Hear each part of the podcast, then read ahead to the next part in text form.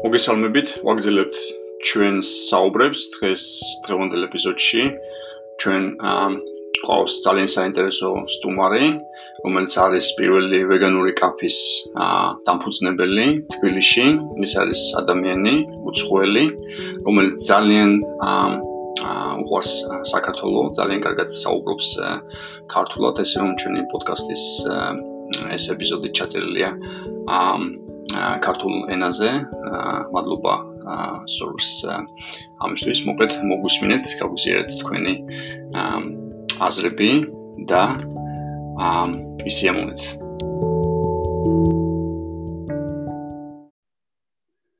მოგესალმებით. ვაგრძელებთ ჩვენ გადაცემების ჩაწერას. დღეს ვესაუბრებით ადამიანს, რომელიც დიდი ხანია მ ბოლო რამოდენიმე წელია საქართველოსში იმყოფება, ცხოვრობს, აა სწავლობს ენას და ასევე აა ქართულ ისე ვთქვათ წესშეულებებს, ასევე აქვს ძალიან საინტერესო ცხოვრების სტილი. ის არის პირველი ვეგანური კაფეს დამფუძნებელი. ასევე ჩვენს მაყურებელს ძალიან ძალიან საინტერესო იქნება განსაკუთრებით ჩვენი მაყურებლისთვის, იმიტომ რომ აა სორს აქვს ძალიან კარგი გამოცდილება აა და ამასთან დაკავშირებით გვინდა რომ აა ვესაუბროთ. აა ის დაგვთანხმდა რომ ესე იგი და მადლობა ამისთვის სორს რომ ქართულად გადაწყვეტ ჩვენთან საუბარი. ეს რომ დიდი მადლობა. მინდა რომ აა კითხო აა პირველი კითხვა რომ აა ესე იგი როგორ დაუკავშირდი საქართველოს როგორ რატომ გადაწყვიტე რომ საქართველოსში დაუშვათ დაგეწყო შენი ცხოვრება? გამარჯობა მოგესალმებით ყველას. ა როგორც მასოთ დაახლოებით 6 წლის წინ გამოვედი საქართველოსში ა და იმ დროს მუშაობდი ერთ-ერთ კომპანიაში ირანში და აქ კონდათ მეორე ფილიალი გახსნილი ტურის ტურიზმზე და ჩამოვედი საქართველოში და ვიყავი სასტუმროს მენეჯერი ვიყავი თავიდან და აქ ვიყავი ოფისის მენეჯერი და ანუ იმის გამო ჩამოვედი საქართველოში და იმ კომპანიაში მუშაობდი 1-2 წელი მაგრამ აა მე გადაწყვიტე რომ აღარ ანუ აღარ მინდოდა ბიზნეს სერიულ ბიზნესებში მუშაობა და საინტერესო არ იყო ჩემთვის და გავაგზელე როგორც მინდოდა ანუ იმ აა აკმეებში ამ სამსახურებში რომელიც ჩემთვის იყო უფრო საინტერესო. საინტერესო 2014 წლის. 2014 წელი. და აა საინტერესოა. ამ კი, მოკლედ ძალიან ძალიან მოკლედ ვერ გააჩევ შენ ქართულს სხვა ქართველებისგან. ძალიან კარგად საუბრობ და მადლობა ამისთვის რომ ესე სირე პერიოდში საქართველოსში 6-7 წლის პერიოდი ყოფნა ცხოვრება არ არის დიდი დრო რომ ესე კარგად საუბრობდე და მოკლედ მადლობა რომ კარგად საუბრობ ქართულს. აა საერთოდ ვიცი რომ ძალიან ესეთი ახსენე შენ პირველად შენი ესე იგი სამსახური, რამაც დაგაკავშირა საქართველოსთან. ეხლა მაინტერესებს და ისიც თქვი რომ რაღაცნაირად შენს ღირებულებებში უკვე აა არ მოდიოდა ეს სამსახური და შენს გადაწყვეტე რომ ახალი რამე დაგეწყო.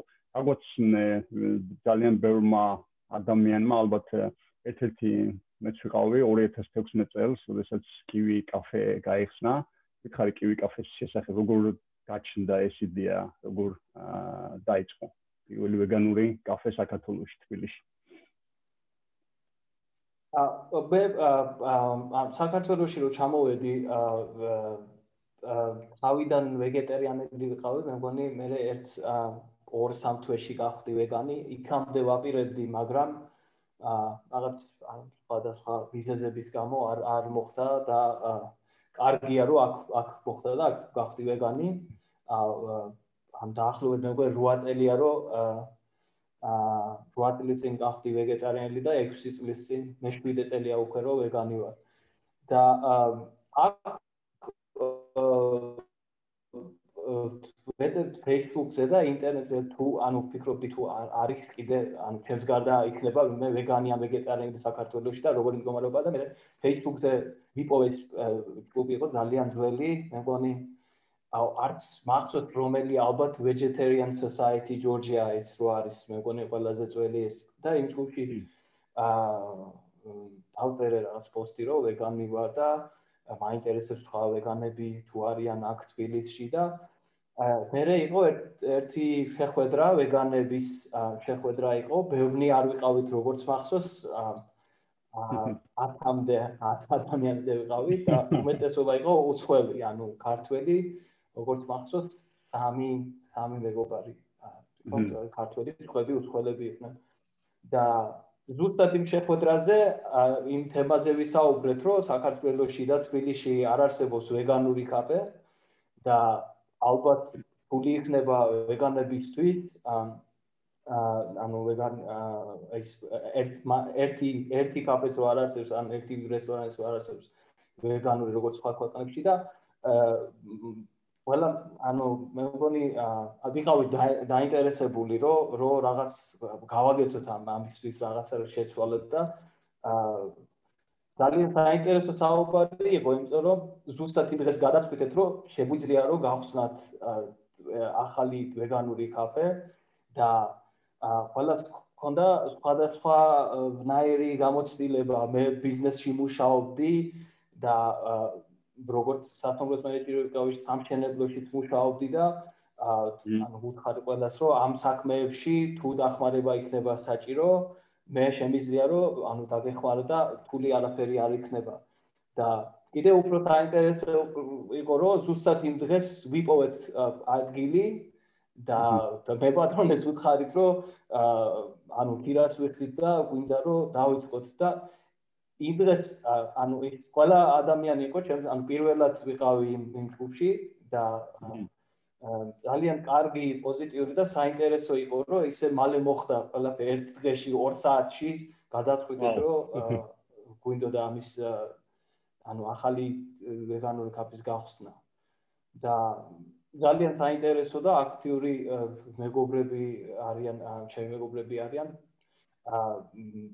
ბევრი უკვე არ არ ცხოვრობს საქართველოში თავის ქვეყანაში დაბრუნდა და რაღაც თავის საქმეებს აკეთებენ, მაგრამ თავიდან ყველა ერთად ვიყავით და ერთად გავაკეთეთ ყველაფერი და ძალიან საინტერესო პროექტი იყო ჩემთვის. კი, მახსოვს, მახსოვს მე, როდესაც პირველად გაიხსნა მაშინ ჩვენც დავესწარეთ გახსნას და ძალიან საინტერესო აა მე მგონი გაზაფხული, გაზაფხული თუ ზაფხული იყო ზუსტად არ მახსოვს, მაგრამ თბილი ამინდი. იყო ივლისი. აა 4-ში. კი, მე მგონი ჩანაწერიც არსებობს, რომელიც საინტერესო ჩანაწერი არის და აა უკეთ ეს ვეგანური კაფე გაჩნდა ერთობლ ერთ უკეთ ეს ვეგანური კაფე გადაიქცა რაღაცნაირად აა საინტერესო ადამიანების თავში საფრათ ესე რომ ვთქვა, იმიტომ რომ ესეთი ადგილები ბევრი როგორც ჩვენ თქვი არ იყო საქართველოში და აა განსაკუთრებით უცხოელებისთვის, რომლებიცაც რაღაც უნდათ განსაკუთრებული დაუშვათ იგივე კერძი დაეგემოვნებინათ საქართველოში, ხო? იგივე ადამიანები ენახათ დაუშვათ ვისაც ცხოვრობ აა ოდესაც უცხოელი ხარ და ცხოვრობ დაუშვათ საქართველოში ან ნებისმიერ ქვეყანაში, ყოველთვის ესეთი კაფეები აკავშირებს ადამიანებს, ახალ კულტურებს და ეს ქართულებისთვისაც ძალიან კარგი არის. უკეთ ვიცი რომ ვეგანური როგორც ახსენე შენ ესე იგი 10 ადამიანი შეიკრიბეთ როგორ ფიქრობ მას შემდეგ გავიდა ფაქტიურად 5-6 წელი ხო? 6 წელი გავიდა 2014 16 წლიდან მოყოლებული ფაქტიურად აა როგორ ფიქრობ, როგორ შეიცვალა საქართველოს ამ ხრი, როგორ შეიცვალა დაუშვათ რა დინამიკას აკვირდები? ადამიანები უფრო მეტად არიან დაუშვათ უფრო მეტად არიან პოზიტიურები განწყობილები ვეგანური ცხოვრების წესის მიმართ, როგორ შეიძლება დაკვირვება? აა ჩემი აზრით აა შედარებით ბევრჯერ უკეთესია სიტუაცია საქართველოში და მიხარია რომ ეს ეს მოხდა თავიდან როგორც როგორც გითხარი ვერ გეტყვით მაგრამ ალბათ თბილისში იყო 10-15 ვეგანი მაქსიმუმ 20 ალბათ მე ვიცნობდი 10-12 ადამიანს და მეტი ეხლა თქვენ ჩვენზე კარგად იცით რომ ალბათ მინიმუმ ა ა 300-400 ზუსტად ვერ გეტყვით ჯგუფში ბევრი ხალხი არის 1000 6000 იყო ერთ ჯგუფში მაგრამ ზოგი ვეგეტარიანელია ზოგი ვეგანია ზოგი აინტერესებს და ა მაგრამ რა თქმა უნდა ბევრჯერ არის გაზრდილი რაოდენობა და თვითონ ვეგანობა ეს ის ა აქტიურად აუცდა სიტყვა როგორ არის კონცეპტ აა რა არის? რომელი სიტყვაა ინგლისური შევეხება კონცეპტ აა კონცეფცია ხო კონცეფცია ხო აი ვეგანობის კონცეფცია აქ აქ ძალიან ახალი და უცნაური იყო ყველა ადამიანისთვის მაღაზიაშიო შევდიოდით თუ გვაინტერესებს რომ რაღაც ვეგანური თუ გაქვთ რამე, არც იცოდეთ სიტყვა რაც ნიშნავს ვეგანური, ვეგანი ვინ არის და ვეგანური პროდუქტი ან ვეგანური საჭმელი კერძი რა არის და რაც ნიშნავს. და ეხლა უკვე ბევრ მაღაზიაში და რესტორანში მენიუებში აწერია ვეგანური, ქართულად აწერია, რაც უფრო მნიშვნელოვანია, თუ იქამდე ხანდახან ინგლისურ მენიუში იყო ინგლისურად ჩაწერილი ვეგან, მაგრამ ქართულში არ იყო, ამიტომ რომ ალბათ ფიქრობდნენ, რომ ქართველი ვეგანები არ არსებობენ ან არავინ არ აინტერესებს, მაგრამ უკვე ბევრჯერ გაზრდილია ვეგანობის რაოდენობა და მოთხოვნა არის პროდუქტებისთვის და კერძებისთვის და მე მგონი ეს არის კარგი შედეგი. უკეთესი უნდა იყოს, რა თქმა უნდა და იქნება, იმედი მაქვს, რომ ყოველდღე უკეთესი იქნება. მაგრამ ხო, ანუ პოზიტიური ცვლილებები არის, რა თქმა უნდა. ჰმ, ძალიან კარგი. ძალიან კარგი. მიხარია რომ ესე პოზიტიურად ხა, საერთოდ ვეგანები პოზიტიური ხალხია, მაგრამ შენ ამ შემთხვევაში კარგია რომ ადამიანი რომელიც ცხოვრობს საქართველოში და ძალიან დიდი წვლილი შეაქვს ამ განსხვავებული კულტურის შემოტანაში და დამკვიდრებაში მართლაც ძალიან მისასალმებელია. შეიძლება კითხო რა იყო ძირითადი სირთულეები ამ გზაზე, როგორ ფიქრობ? ან რა რჩება კიდევ? ანუ როგორც როგორც ადამიანი ვეგანისტვის თუ ამ ჩვენი კივის საქმესთვის, ანუ სხვადასხვა კითხვებია ხო, შეგვიძლია შეგვიძლია დავაკავშიროთ ამ შემთხვევაში როგორ ფიქრობ როგორც ვეგანი შენ თვითონ აა რა არის დაუშვათ როგორ როგორ ფიქრობ ჯერ კიდევ არსებობს სირთულეები შენ თქვი რომ ბევრი ადამიანი შეიძლება უნდა გახდეს დაუშვათ ვეგანი მაგრამ დაუშვათ არის ის როგორ დაიწყოს ხო საიდან დაიწყოს ამ შენ როგორ ფიქრობ რა არის ეს ძირითადი ძირითადი გამოწვევები, ის ძირითადი სირთულეები. აი როგორც შენთვის და ასევე მე ალბათ კივი კაფეზედაც კითხავ. კი ბატონო, ა თავიდან მე მგონი ჩემთვის ანუ როგორც სხვა ვეგანებისთვის ან სხვა უცხოელებისთვის ერთ-ერთი პრობლემა ის იყო, რომ ვეგანური პროდუქტები რომელიც პოპულარული იყო იმ დროს უკვე პოპულარული იყო ევროპაში ან სხვა ქვეყნებში, აქ საქართველოში არ იყო და არ იყიდებოდა მაგალითად ტოპუ ან სხვა ვეგანური ტემპე, ვეგანური აა აა სოიოს ზე მაგალითად და ეს იყო ერთ-ერთი პრობლემა. მეორე მე მგონი უფრო ანუ არავის არ ქონდა ინფორმაცია ის უცხოელებისთვის ალბათ ძალიან რთული არ იქნებოდა, იმიტომ რომ ინგლისურად არის ბევრი ინფორმაცია, ვიდეოები და ტექსტი და ვებგვერდები, მაგრამ ქართველებისთვის უფრო ანაკლებად იყო ანუ ეს ინფორმაცია ვეგანობაზე, რა არის ვეგანობა, რა თქმა უნდა გახდეთ ვეგანი და ვისთვის აა კარგია რატომ კარგია რომ გახდეთ ვეგანი. აა ეს ყველაფერი ახლა უკვე როგორც იხარ გეუბნეთესია, მაგრამ ისედაც არის პროდუქტები, რომელიც არ იყიდება საქართველოში ან აა შეიძლება მარტო ერთ-ორ მაღაზიაში იყოს ძალიან ძვირი იყოს აა და ინფორმაციაზე მე მგონი თქვენ უკვე ძალიან კარგ რაღაცებს აგეთებთ და თქვენი პოდკასტი და ის Facebook ჯგუფი და რაც რაც აგეთებთ და რაც ვაგეთებთ მე მგონი საინტერესო იქნება ქართველებისთვის და ვეგანებისთვის და საინტერესოებს რო გახდეს ვეგანი.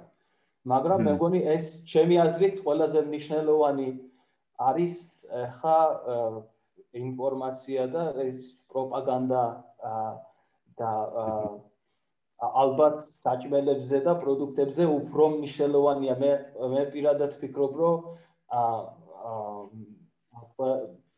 უფრო უფრო უფრო მნიშვნელოვანია რომ გახდე ვეგანი. ან იფიქრო რომ უნდა გახდე ვეგანი და ეს მორალური ღირებულებები უფრო უფრო მნიშვნელოვანია ვიდრე არის ტოფუ და სოიოსზე, იმიტომ რომ მე თავიდან საქართველოში პირველი 2-3 წელი ისედაც ამ მე მგონი არაფერი არ შეცვალა. ვეგანი ვარ, მაგრამ ტოფუს აჭამ ყოველ დღე ან სოიოსზე არ შემიძლია რომ ერთი თვეც ორი თვეც არ ვიყიდო. ვეგანური ყველი თუ არ იქნება არ არის პრობლემა ჩემთვის, იმიტომ რომ აქ საქართველოში ბევრი სხვა ინგრედიენტები არის და რეცეპტები არის კიდე ქართული რეცეპტი სამარხო რეცეპტები რომელიც უმეტესობა იქნება ვეგანური და მე მგონი უფრო ინფორმაცია არის საჭირო უფრო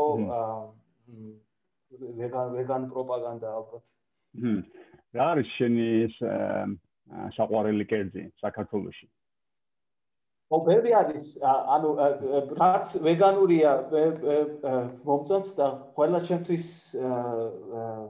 გემრიელია და საინტერესოა არ ვიცი კლასიკური ლობიანი მე მგონი ყველას უყვარს და მაგრამ არის ის ცოტა უფრო აა სახში რო ამზადებენ ცოტა ძველი რეცეპტებით აა ბოტნეულით რო აგეთებენ კერძები ა ა და მე მგონი მე მგონი არის საკმარისი რეცეპტი და საკმარისი კერძები გემრიელი, სასარგებლო და საინტერესო. შეიძლება ხა ყველა რესტორანში არ იყიდება მაგრამ მე როგორც ვიცი არის ბევრი ბევრი რეცეპტი არის და ბევრჯერ გასინჯული მაქვს.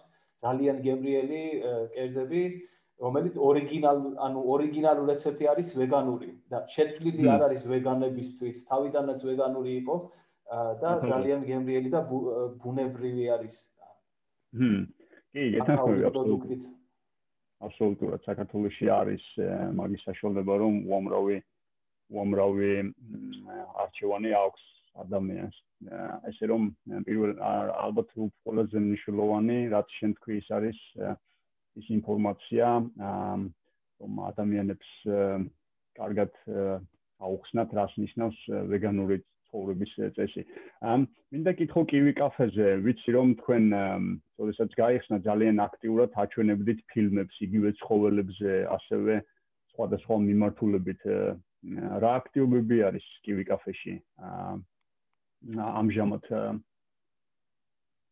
აა ამჟამად სამწუხაროდ ისეთი ანუ კინოჩვენება რაც იყო ეს ხო რა თქმა უნდა ვერ იქნება მაგრამ აა იქამდე მე მგონი სამწუხაროდ ალბათ ანუ სამწუხარო რომ თავიდან უფრო აქტიური უფრო აქტიურები ვიყავით აა და 2019-ში მე მგონი აა ნაკლებად იყო ის კინოჩვენებები, მაგრამ აა სხვა და სხვა ბიზნესების გამო დახმარება და პირდებოდა აა ორი სამ ანუ სამი ოთხი ადამიანი უკავდინს მუშაობდა და აა ზოგადად რესტორნის საქმე ან კაფეს საქმე არის ფული და ხანდახან დრო არ რჩება სხვა სხვა საქმეების და აა მე მგონი ეს ეს ძალიან საჭიროა ჩვენთვის ახლა რომ კაფეები რო იხსნება იმის მერე მე მგონი მეგობრების დაახმარება გვჭირდება როგორც ადრე და მაგრამ რაც იყო კინოჩვენება იყო ვეგანობაზე მაგრამ მხოლოდ ვეგანობაზე არ იყო ანუ ჩვენ ფიქრობ რომ დისკრიმინაცია არ არის მხოლოდ ხოლების იმართ ანუ ანუ ადამ ეს ეს თავისუფლება უნდა იყოს ყველა ადამიანისთვის და ზუსტად ამიტომ კონდათ სხვანაირი კინოჩვენება ან ან შეხვედრები ფემინიზმზე ანუ საინტერესოზე და ნებისმიერი ადამიანი რომელიც შედის იმ აა აა თულად აა minority უმცირესობა ხო. აა მესმის მესმის საინტერესოა. ერთი ამინდა კითხვა ამ პერიოდში, ამ პანდემიის პერიოდში აა როგორ ახერხებთ როგორ ახერხებთ მუშაობას კაფე როგორ ახერხებს მუშაობას ალბათ ონლაინ და ასევე მინდა კითხო ამ პერიოდში ფაქტობრივად როგორ როგორ აკვირდები დინამიკას რამდენად დაუშვათ ალბათ ალბათ მოიმატა სხვა შემთხვევაში საქართველოსში ეხლა ხანს ვესაუბრებოდი რომ 5-6 კაფე გაიხსნა პანდემიის პერიოდში ვეგანური კაფეები. ეს რომ მოთხოვნა ძალიან აა დიდი არის სცენარეულ სცენარეულ პროდუქცია ადამიანები მიხვდნენ და უფრო მეტ ინფორმაციას იღებენ ამის შესახებ რომ სცენარეული კვება ეს არ არის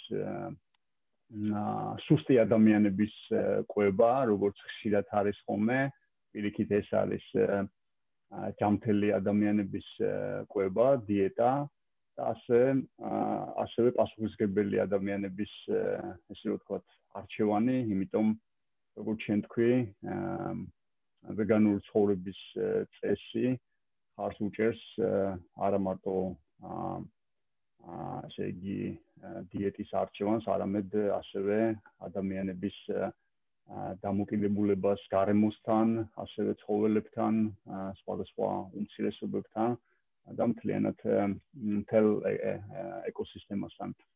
ხო ესია.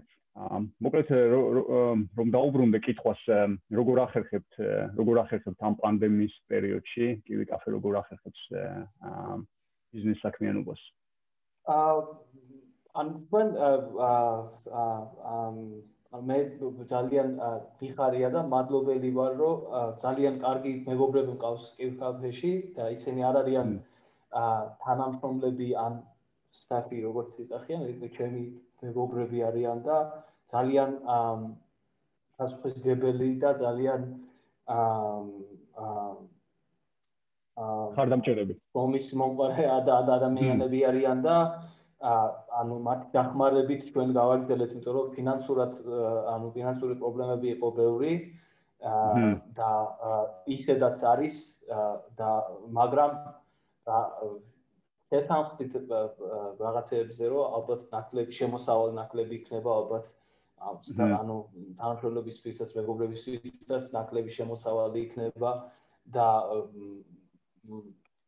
აა დამეხ ანუ დამეხმარებიან ანუ დამეხმარეს და მაგიტო არის კივი კაფე გახსნი და არ დავკეთეთ და იმის ანუ სხვანაირად სხვა გზა არ იყო და მესმის ძალიან მადლობელი ვარ რომ მუშაობ იმ ადამიანებთან ერთად იმიტომ რომ როგორც ვიცი სხვა ბიზნესებში ან რესტორნებში ან ჯგუფებში ეგრე არ ხდება და ჩვენთვის ძალიან პოზიტიური არის რომ ესეთი მეგობრები მყავს. და ახალი ვეგანური კაფეები რო გაიხსნა მე პირადად და მე გვენ ჩვენ ყველანი ივიში მე მიხარია რომ ახალი ადგილი არის გახსნილი. ჩვენ არ ფიქრობ რომ ეს ესენი ამ კონკურენცი კონკურენცია არის ან თქვენთვის მე რანაირი რამდენი ხალხი მე მოვა ჩვენთან და რამდენი ხალხი მიდის იმ კაფეებში. პირადად მე მგონი მე იმდენად არ მაინტერესებს ჩვენი თავიდანაც ჩვენი მიზანი მიზნები არ იყო და ფულზე არ არ ფიქრობდით. და მე მგონი ისედაც ანუ ის სტილი not for profit ინგლისურად ქვია არც ხა ქართულად თუ არსებობს ესეთი ბიზნეს მოდელი არის ანუ მოგებაზე არ ფიქრობთ და თქვენ მოგება არის თუ არ არის მაინც ვიმუშავებთ. ჰმ სოციალური მოდელი დიახ სოციალური მოდელი ალბათ დიახ და ეს აა ზუსტად ამიტომ ძალიან კარგი და პოზიტიური რა ახალი კაფეები არის გახსნილი და მე მგონი ეს შეწუდები რო ნაკლები შეწუდები რო იქნება და შეიძლება ვიტანამშრომლოთ ვიტანამშრომლოთ აა და შეიძლება ანუ უნდა დავეხმაროთ ერთმანეთს. ან ჩემი აზრით ერთ ერთად ვართ და ერთად მუშაობ და რაც უფრო მეტი ვეგანური კაფე რესტორანი ადგილი იქნება თბილისში და საქართველოში უკეთესია. სუპერ, ძალიან მაგარი არის, რასაც ამბობ ხა, იმიტომ რომ ამ კაფეების მიღმა როგორც შენ თქვი არის ძალიან დიდი ღირებულება, ასევე ადამიანები community-ს, რასაც ვამბობთ ეს ეს განწყობა და ეს მხოლოდ კაფე არ არის, მხოლოდ საკვები არ არის, ეს არის მთელი ურთიერთობები, რაც ხალებდება აა ამ ღირებულებების გარშემო და აა მართალია მე მახსოვს როდესაც ეს კაფე დაიწყო მაშინ მოგებაზედაც არ იყო კაფე თქვენ მაშინ აკეთებდით საჭმელებს და ხელფასიც არ ქონდათ იმ პერიოდში ფაქტიურად აა ალბათ მხოლოდ აიქ მომზადებულ საჭმელებს მიიწმებდით და რეალურად უმასპინძლდებოდით ადამიანებსაც და მოკლედ ძალიან საინტერესო მოდელია, იმიტომ ძალიან ბევრ ბიზნეს გაუჭირდა ამ ამ პერიოდში, იმიტომ რომ მოგება ვერ ნახო, ვერ ნახა და ამ შემთხვევაში ბევრი ბიზნესი იკეტება და ეს კიდევ კარგი მაგალითია იმის, რომ ღირებულებებზე დაფუძნებული საზოგადოება, კაფეები, ეს კულტურა ამ კრიზისულ პერიოდშიც ძალიან საინტერესო მაგალითს გვაჩვენებს და ეს შენ წახწერე ახლა საზოგადოების ხარდაჭერა. მოკლედ მე მინდა ჯგუფის წევრები გავამხნეო და ასევე ადამიანები, რომლებიც მომავალში გახდებიან ამ ისე ვთქვათ საზოგადოების და მოძრაობის ნაწილი, რომ ეს არის ის კულტურა, რომელიც თვალისწინებს ურთიერთ ხარდაჭერას და განსაკუთრებით იმ პერიოდში, როდესაც როდესაც საჭირო არის ამ ღირებულებების მხარდაჭერა. ამ ამ მოდი ამ კითხავ ესეთ რაღაც მაინტერესებს აა სოლუშე ამ სამომავლო გეგმებთან დაკავშირებით რომ გითხრა იმედია რომ დასრულდება უკვე ეს შეზღუდვები მოიხსნება იმედია რომ გაზაფხული უკვე დადგება ეს პანდემია ნელ-ნელა დაუმშვიდობებით. იმედი ადამიანებიც ვისწავლეთ გაკვეთილებს გამოცდილებას ავიღებთ ამ პანდემიისგან და ეს კარგი სიმბოლური მაგალითი ალბათ იმის რომ ჩვენ ადამიანებმა უნდა მოვჩეთ უკვე ცხოველების ცხოველებით კვებას აა იმიტომ რომ ყველა ეს პანდემია უკავშირდება ცხოველებს, ეს ვირუსების გავრცელება ცხოველებიდან მომდინარეობს ხუესია. და გადა გადავალთ ალბათ უფრო ასე ვთქვათ ეკოლოგიურად მეგობრულ საკვებზე, რადგან კარგი გარემო, კარგი გარემო ესე ვთქვათ შევქმნათ და ჯანსაღ გარემოში ვიცხოვროთ.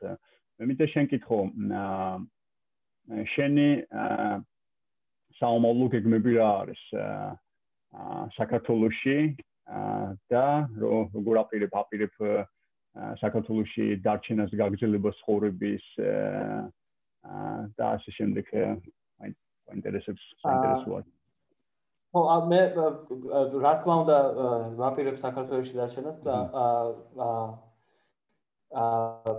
მომავალი გეგმები ერთი ერთ-ერთი ის არისო ეხა უკვე გადაწყვიტე რომ ქართული კარგად უნდა ვისწავლო, იმიტომ რომ აქამდე ამ სამწუხაროდ არ არ ყავდა მასშტაბებელი და უფრო უფრო მეგობრებთან რომ მუშაობდი, მეგობრებთან ვისწავლე, მაგრამ მე მგონი უკვე საჭირო უკვე დიდი დიდი ექსიტელი გავიდა და არ შეიძლება ანუ კარგად უფრო კარგად უნდა ვისწავლო ქართული, ეს არის ერთ-ერთი გეგმა მომავლისთვის. აა სუპერ. შენი ქართული ძალიან ძალიან მაგარი არის, ძალიან კარგად მეტყველებ, ძალიან მაგრად საუბრობ, მაგრამ ძალიან დასაფასებელია, რომ გინდა რომ სრულყოფ სრულყოფილად ესე რომ ვთქვათ აა ისწავლო ენა. ეს ძალიან დასაფასებელი არის. აა მადლობა ხო ანუ საინტერესო ჩემთვის აა აა ენა და აა კულტურა საქართველოსში საინტერესო იყო და მე მგონი ზუსტად ამიტომ აა ვისწავლე და ამ თავიდან რო ამ რომ ამბობდი რომ ექს ექს წელიწადში ვისწავლე მე უფრო სწორად სამ სამ სამ წელიწადში ვისწავლე იმიტომ რომ პირველი სამ წელი კომპანიებში რომ მუშაობდი ქართული არ იყო საჭირო და უცხოელებთან მუშაობდი და აა მაგრამ მაინც მე მგონი მე მგონი უკეთესად უნდა ვისწავლო და აა აქვს ინტერესი და სურვილი და მე მგონი ძალიან თული არ იქნება სხვა გეგმები მოვალისთვის მე ამ პანდემიის გამო დავიწყე მეორე სამსახურში მუშაობა და ძალიან მე მგონი იმ დროს ძალიან საჭირო იყო და კივიში რო ანუ ის პანდემია რო მოხდა და ჩვენ ანუ ფინანსური პრობლემები რო იყო კივიში ძალიან დამეხმარა და ისე ორივე სამსახურში ვიქნები კივიში გვაქვს საინტერესო გეგმები.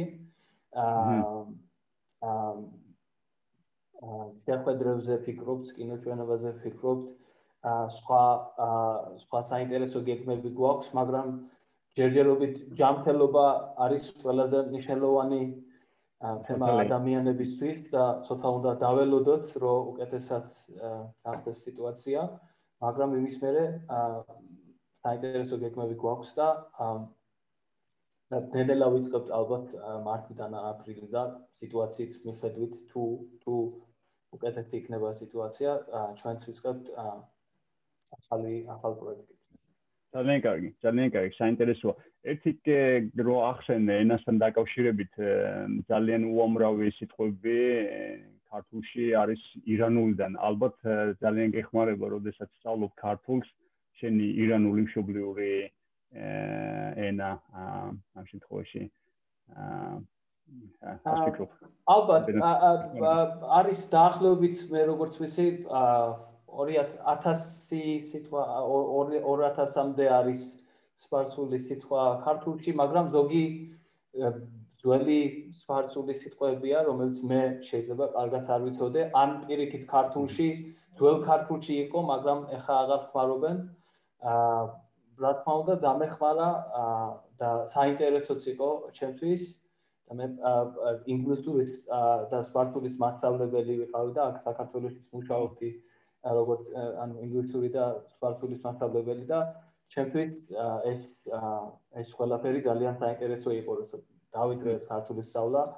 აა მაგრამ აა მაინც მე ვე დიდი დიდი სხვაობა არ არის და მე მგონი აა დამეხმარა მაგრამ იმდენად არა იმდენად არა ხო თუ გრამატიკა და აა გრამატიკა არის რთული და ეს ის სიტყვები შეიძლება იყოს 5% შეიძლება ნაკლებად და იმდენად აა მნიშვნელოვანი ალბათ არ არის. საინტერესოა. შეიძლება კითხო რა არის შენი საყვარელი ნაწარმოები თუ ქართულ თუ კითხულობ ქართულად აა მე სამწუხაროდ ქართულად კარგად არ მკითხულობ, ანუ მკითხულობ, მაგრამ ისე რომ აა ანუ ლიტერატურა ან ან სტიქნებისთვის ცოტა ცოტა კი არა ბიჭირს აი ზუსტად ამიტომ რომ როგორც კითხარი აა არ ანუ მასწავლებელი ამ ყავდა და მე საუბარში ვისწავლე ქართული, მაგრამ ეს ესეც შედის მომავალ გეგმებში და მაქვს ინფორმაცია ხო ქართულ ერალებსა და ციგნებზე, მაგრამ ქართულად ჯერ არ ჯერ არ დავისკე კითხვას და მალე მალე ვიწყებ ამათ. ძალიან კარგი, მოკლედ ძალიან საინტერესოა, ძალიან ენერგიული ადამიანი ხარ, ძალიან პოზიტიური ადამიანი ხარ და მადლობა იმ წვლილისთვის, შენ შეგაქვს აა ო როგორც პერსონალურად ადამიანი რომელიც სწავლობს ქართულს ეს ძალიან დიდი პატივისცემის ნიშანი არის თვითონ იმ ქვეყნის სადაც სადაც ადამიანი იმყოფება ხო ესეა და განსაკუთრებით იმ კულტურის შეტანა რაც რასაც აა ცხოვრების ახალი ცხოვრების წესი, საინტერესო ცხოვრების წესი ქვია საქართველოს და ამის დამკვიდრება. მოკლედ დიდი მადლობა ვფიქრობ რომ ძალიან გამომხნევებელი უნდა იყოს ჩვენი მსმენელისთვის, ასე მაყურებლისთვის, ადამიანებისთვის, რომლებსაც აა უნდა რომ მეტი გაიგონ, მეტი ისწავლონ აა ასე რომ თუ რამე ინდა შენს დაუშვათ ადამიანებს რომლებიც გისმენენ გიყურებენ გაუზიარო გამერჩევები მისცე აა ალბათ იმასთან დაკავშირებით როგორ როგორ დაიწყე როგორ იყო შენი პირველი ნაბიჯები როგორ გახდი ვეგანი? აა ხო საინტერესო კითხვაა მე მგონი ყველა ადამიანისთვის რომ როგორ გახდებიან ანუ ადამიანები როგორ გახდებიან ან რატომ გახდებიან ვეგანები მე მახსოვს რომ აა ხოლები ჩემ ანუ ხოლებზე იქამდე ფიქრობდი და ფიქრობდი რომ აა როგორც სხვა ადამიანები საყვარელები არიან მაგრამ ეს იყო ჩემ მე ფიქრობდი რომ არ ვიცოდი რომ თუ დრამეს ვაგეთებ როცა ხორცს ჭამ და როცა რაღაც ცხოველურ პროდუქტებს ვიდულობ და ჭამ არ არ მქონდა ინფორმაცია და ჩემ მე პირველი ვეგანი ვიყავ ჩემ მეგობრებში და ეს და თუ თუ თუ ყავთ მეგობრები რომელს ვეგანები არიან მე მგონი ეს ძალიან უფრო ადვილია რომ გახდეთ ვეგანი უფრო ადვილია რომ ინფორმაცია გქონდეს მე დავიწყე ერთი ციგნის კითხვა ირანული ციგნი იყო აა საინტერესო რა ძალიან ძველი ციგნი ალბათ 100 ანუ 90 წლის წინ დაწერილ სხოლებზე აა ეს ციგნი ქვია ადამიანები და ცხოველები მგონი ინგლისურად ციგნება ეს ციგნი ადერ ჰედაიათ არის მწერალი. და ძალიან საინტერესო იყო იქამდე არ მქონდა არანაირი ინფორმაცია, რომ შეგვიძლია რომ სხვანაირად ვუყუროთ ჩვენი ან როგორი ურთიერთობა გვაქვს ხოლებთან და ეს სამართლიანი არის თუ არა და ეს იყო პირველი ნაბიჯი და მახსოვს რომ იმის მერე დავიწყე სხვა ტექსტების დაკითხვა რა არის ვეგანობა რატო არ უნდა ჩამოთ რაღაც ხორცი და ცხოველური პროდუქტები და მახსოვს რომ 10 10 წელში მე მგონი გახდი ვეგეტარიანელი იმ დროს ვეგანობაზე ბევრი არ ვიცოდი და ის სიგნით ძველი იყო და არ მქონდა ინფორმაცია მაგრამ ერთ წელიწადში უფრო ვიცდავლე რომ ის ვეგანობა არის უპატესი და უფრო ანუ არანაირი ცხოველური პროდუქტი არ უნდა მივიყოთ იმიტომ რომ იმ პროცესში იგივე პრობლემები იმ ფერმებში და იმ იმ მარკეტში ხდება როგორც როგორც როკიდლობ ისე სხვა კოელური პროდუქტის როკიდო იგივე იგივე შედეგი ხან და ხან უარესი პრობლემები ხდება იმ ფერმებში და ეგრე მოხდა. აა საინტერესოა. საინტერესოა. რა რა იყო პირველი ცვლილებები თუ გახსოვთ? რა შეიცვალა შენ ცხოვრებაში? ამის მერე რა შეიცვალა? რა ცვლილებები წამოვიდა? ძალიან ძალიან ძალიან კარგი ცვლილებები იყო. ანუ სიმართლე რო გითხრათ, მე არანაირ ცვლილებებს არ ველოდებოდი, ჯანმრთელობაზე არ ფიქრობდი. ან მე გადაწყვიტე რომ ეს რაც გადაწყვიტე რომ ხორცის ჭამა და ცხოველური პროდუქტების ჭამა არის არამორალური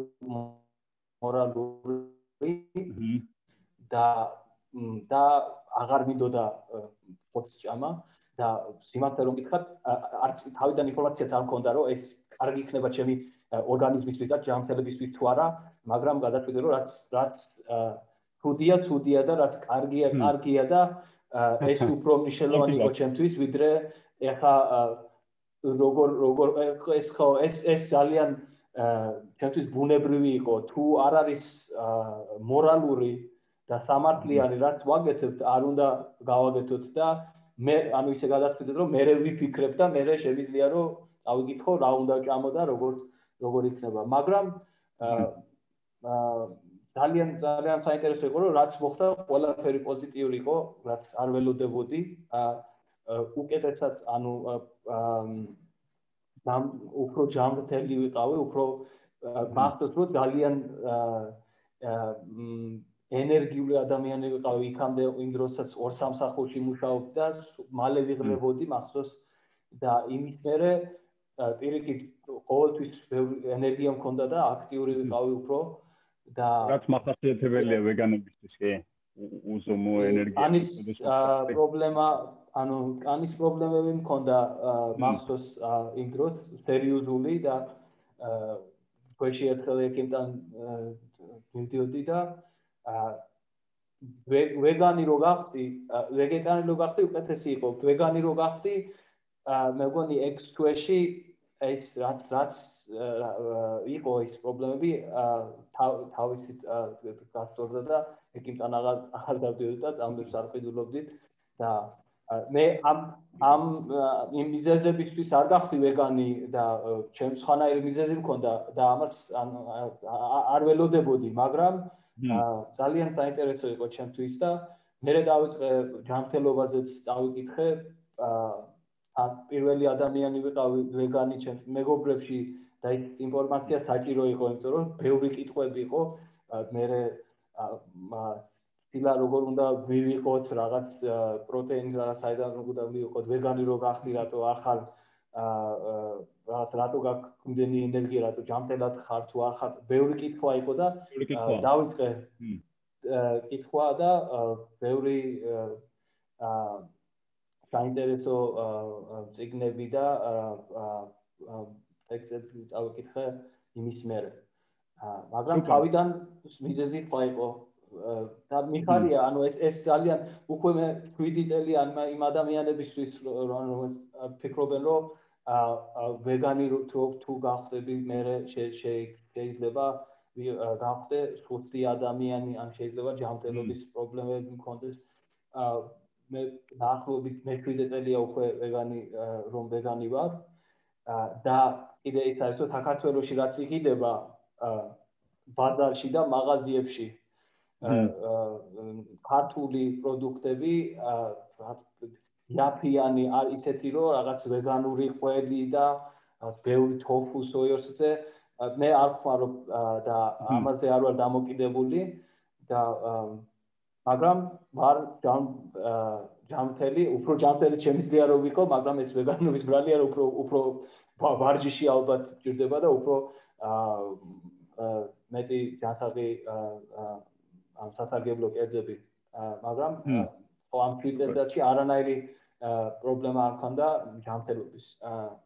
და ეს მეგონი ამაზე არ უნდა იფიქროთ ან ინერვიულოთ ამ მეგონი უკვე ბევრი ვეგანი არის სპორტმენები ცნობილი ადამიანები მაგრამ მეგობრებში ალბათ საქართველოსში თბილისში უკვე ცხოვრობს ბევრი ვეგანი და ისინი ჯანმრთელები ჯანმრთელები არიან და არანაირი პრობლემა არ აქვს და მე მგონი ყველა ყველა მითის ალბათ. აბსოლუტურად. მოკლედ ძალიან ბევრი არგუმენტები მოიყვანე და შენი შენი ცხოვრები და ამ გადაწყვეტილების შემდეგ რამდენად დაგეხმარა ეს ყველაფერი. მენტალურად, ფიზიკურად, ფსიქოლოგიურად, ემოციურად უამრავი უამრავი საინტერესო ცვლილებებზე მოგვიყევი და გაგვიზიარი და მოკლედ ადამიანები რომლებიც ხშირად წერენ ხოლმე ჯგუფში და არიან ადამიანები ასევე скептикурат განწყობილები, რომლებსაც დაუშვათ აა თითქოს ეშინიეთ ნაბიჯის გადადგმან და თითქოს ვერ ხედავენ დაუშვათ სარგებელ სატო უნდა გახდეს ადამიანი ვეგანი ხო?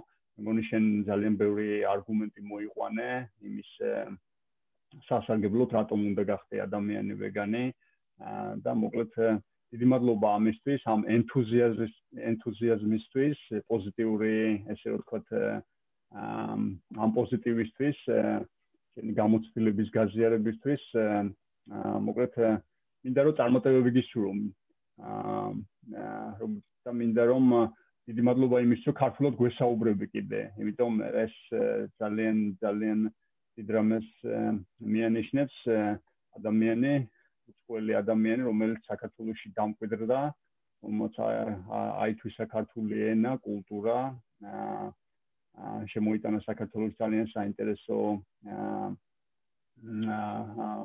კულტურა, ხელს უწყობს ესეთ საინტერესო ცხოვრების წესის დამკვიდრებას. მოკლედ დიდი მადლობა და მადლობა შეს ფროტო ყველაფერსთვის ძალიან საინტერესოა რაც აგეთებთ. ძალიან ნიშნულოვანია და მადლობას გიხდით და აა კიდევ ერთხელ ბოდიშ გიხდით თუ შეიძლება ალბათ ალბათ იმ იმდენად კარგად არ ლაპარაკო ქართულად შეიძლება შეცდომები მაქვს თან ძალიან მნიშვნელოვანი თემა არის იმ თემაზე რომ ლაპარაკობ იმედია რომ აა შემდეგ შემდეგ გადაცემაზე უკეთესად იქნება ალბათ იმედი მაქვს.